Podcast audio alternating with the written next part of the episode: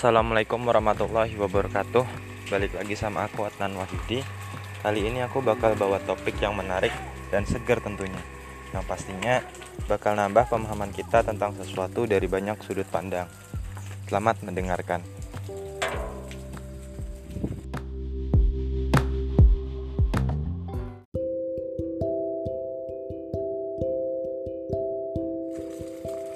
Pada pagi kali ini aku bakal bawa topik Omnibus Law.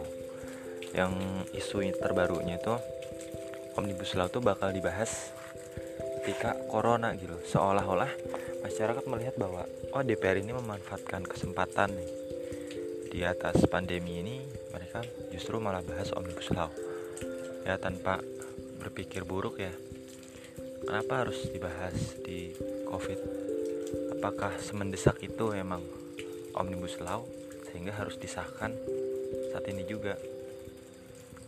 Kenapa gitu loh? Nah ini aku udah rangkum dari beberapa berita. Jadi kepada podcast kali ini selain analisis opini aku ya aku bakal baca berita ya. Selamat mendengarkan. Masa reses para anggota DPR RI berakhir pekan depan. Meski dalam sebulan ini Indonesia masih berjuang memerangi corona. Hal pertama yang dilakukan oleh anggota dewan adalah menyelesaikan sejumlah undang-undang.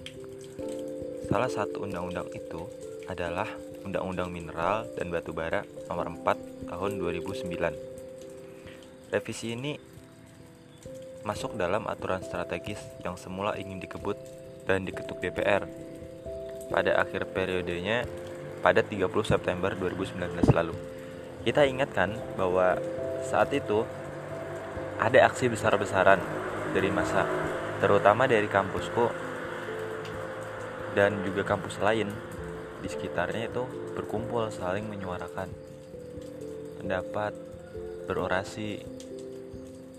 Tepatnya tanggal 23 September 2019. Ya intinya saat itu bahas RA, RH KUHP RUU.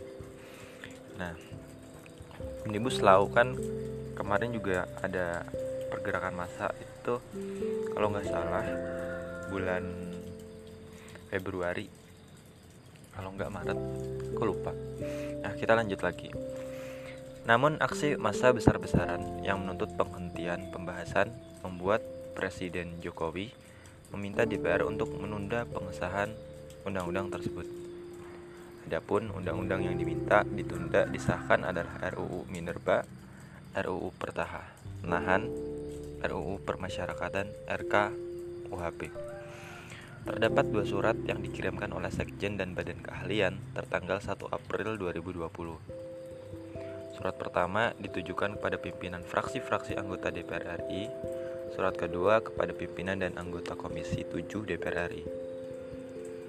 Ditulis dalam surat tersebut bahwa sesuai dengan jadwal rapat acara masa persidangan pada 27 Maret sampai 31 Maret disepakati akan adanya rapat kerja yang akan digelar pada Rabu 8 April pekan depan di ruang rapat Komisi 7 DPR. Berarti kalau podcast ini dibuat 16 April sekarang ya, sidang itu udah selesai sekitar 8 hari yang lalu, seminggu lebih. Kita lanjutkan bahwa Komisi 7 DPR akan menggelar rapat kerja secara protokol waspada COVID-19 atau virtual meeting dengan Menteri SDM, Mendagri, Menteri Hukum, dan HAM RI, Menteri Perindustrian, dan Menteri Keuangan. Jadi ini meetingnya online, entah lewat apa intinya online dan kita lanjutkan. Adapun acara tersebut terdiri dari 8 agenda, di mana di antaranya adalah pengambilan keputusan terhadap RUU dan penandatanganan naskah RUU Pembahasan DIM di Panja Komisi 7 dan pemerintah sudah selesai. Belum didengar pernyataan tanggal 8 April akan ditandatangan. Yang melanjutkan semua undang-undang sebenarnya nanti akan mengacu pada Omnibus Law. Omnibus Law apabila itu sudah disahkan. Sementara beberapa pakar pertambangan membuka suara atau beropini Salah satu alasannya adalah karena bertentangan dengan Omnibus Law Cipta Tenaga Kerja. Menurut pakar hukum, dari salah satu universitas sekaligus perumus Omnibus Law, Ahmad Reddy, mengatakan bahwa RUU Minerba tumpang tindih dengan Omnibus Law, RUU Cipta Kerja. Ada tumpang tindih atau kesamaan materi pengaturan karena sebagian materi RUU Minerba saat ini juga menjadi bagian materi Omnibus Law, RUU Cipta Kerja. Ketua Badan Legislasi Dewan Perwakilan Rakyat Supratman Adi Andi Aktas menanggapi desakan publik agar DPR tambah Omnibus Law RUU Cipta Kerja di tengah pandemi ini. Dia berjanji bahwa Balek atau Badan Legislatif akan melibatkan publik dalam bahasan tersebut. Jadi berhubung rapatnya online, si Suratman ini janji kalau publik bakal dilibatkan juga. Entah apa motifnya itu. Namun saat ini balik masih dalam proses penyusunan jadwal pembahasan RUU Cipta Kerja. Jadwal itu akan disahkan dalam pleno balik yang akan digelar hari ini, Selasa 7 April. Jadi hari ini tuh 7 April ya. Jadi ini beritanya tuh udah masa lampau gitu. Wakil Ketua Balek Ahmad Baidowi mengatakan bahwa Balek juga mengagendakan penyerahan daftar inventarisasi masalah atau DIM dari fraksi-fraksi. Selain itu, kata dia, balik menjadwalkan pembentukan panitia kerja DPR untuk RUU Cipta Kerja pada pekan ini. Nah, menurut Charles, saat bencana terjadi, DPR dan pemerintah hendak menggunting dalam lipatan atau mancing di air keruh. Intinya tuh memanfaatkan kesempit kesempatan dalam kesempitan gitu. Maksudnya ya DPR bahas omnibus law gitu yang secara omnibus law itu kan viral ya dan rumit. Sama seperti RK UHP itu kan rumit. Tapi justru kenapa harus dibahas ketika masa-masa sulit ini? Ya mungkin masa sulit ini bakal lama ya selesainya DPR mungkin berpikir bahwa kalau nggak dibahas sekarang kapan lagi sementara publik butuh kejelasan mungkin pendapat mereka seperti itu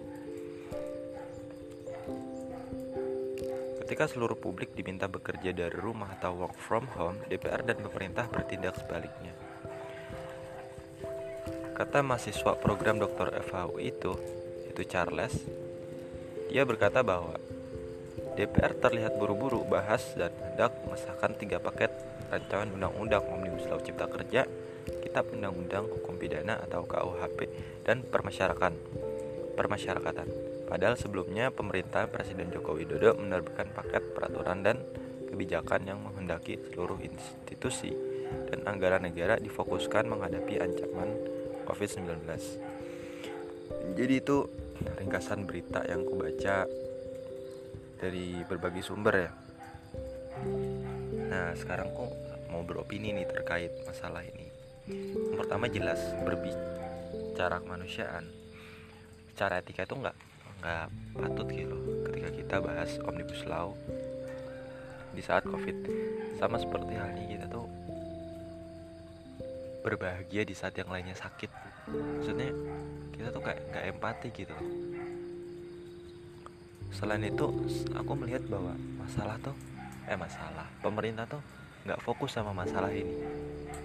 Di saat yang lain fokus pemerintah juga fokus covid pemerintah juga harus membagi fokusnya membuat ini peraturan ini bahas ini lagi. Ya walaupun dilakukan online ya tetap aja kesannya tuh kayak kurang profesional aja gitu ya aku berpikir bahwa kok pemerintahan sekarang mencari itu ya kesan viral ya membuat sensasi ya. Mereka lupa tugasnya gitu. Mereka bakal ingat tugasnya kalau itu dilihat publik terus dapetin menghasilkan uang mencari ketenaran gitu. Padahal nggak gitu pemerintahan harusnya ya apa pun yang terjadi mereka harus profesional gitu. Walaupun mereka nggak dibayar. Karena berbicara sedikit menyinggung filosofis material bahwa ketika kita udah berpikir materi maksudnya kita berpikir uang ketika kita melakukan kerja kita harus dapat imbalan. Nah kita tuh mental kita kosong gitu. Apa apa harus ada imbalan apa apa harus ada imbalan. Padahal kita ingat sendiri bahwa Tuhan menciptakan segala ini dengan kecukupan. Nggak boleh ada yang serakah dan nggak boleh ada yang kekurangan cukup gitu. Kenapa ada manusia serakah yang materinya kurang terus? Ya karena dia nggak puas dan rasa kepuasan itu bakal hilang ketika dia tuh udah mati. Nah kembali lagi ke soal omnibus law ya. Aku sendiri menyayangkan ya ketika omnibus law harus dibahas saat ini. Kalaupun emang benar-benar mendesak. Harus dibahas saat ini. Ya harusnya didiskusikan dulu. Bener nggak? Apa aja yang harus dibahas? Emang kalau benar-benar mendesak ya? Dan sehingga nggak terkesan pemerintah tuh apa ya berjalan sesuka hati berjalan sendirinya tanpa publik tahu gitu. Publik baru tahu ketika eh rapat itu udah selesai. Ya gimana ya? Kita sebagai mahasiswa ya aku sebagai mahasiswa dan juga sebagai publik mengamati pemerintah ya kecewa banget gitu. Juga kemarin aku lihat video tentang salah satu mahasiswa yang dia tuh intinya berpendapat pemerintah tuh sekarang ke mana? Kenapa justru yang difokuskan tuh investasi? Orang lain rakyat di nomor berapa gitu? Ya ini sebuah retorika ya bahwa aku juga sayang bahwa pemerintah kenapa sih lebih mementingkan investor lebih mementingkan hal lain yang selain rakyat gitu. Rakyat tuh seolah-olah tuh dijadikan kayak robot gitu.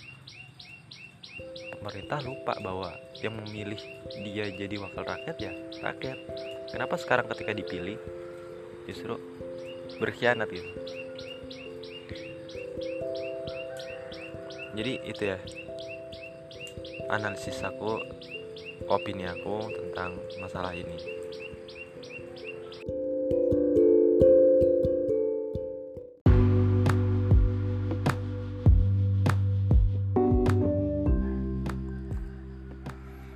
Mungkin kali ini aku cukupkan, semoga bermanfaat. Ada kurangnya dari aku semata, ada lebihnya itu dari Tuhan. Sampai jumpa di lain waktu. Wassalamualaikum warahmatullahi wabarakatuh.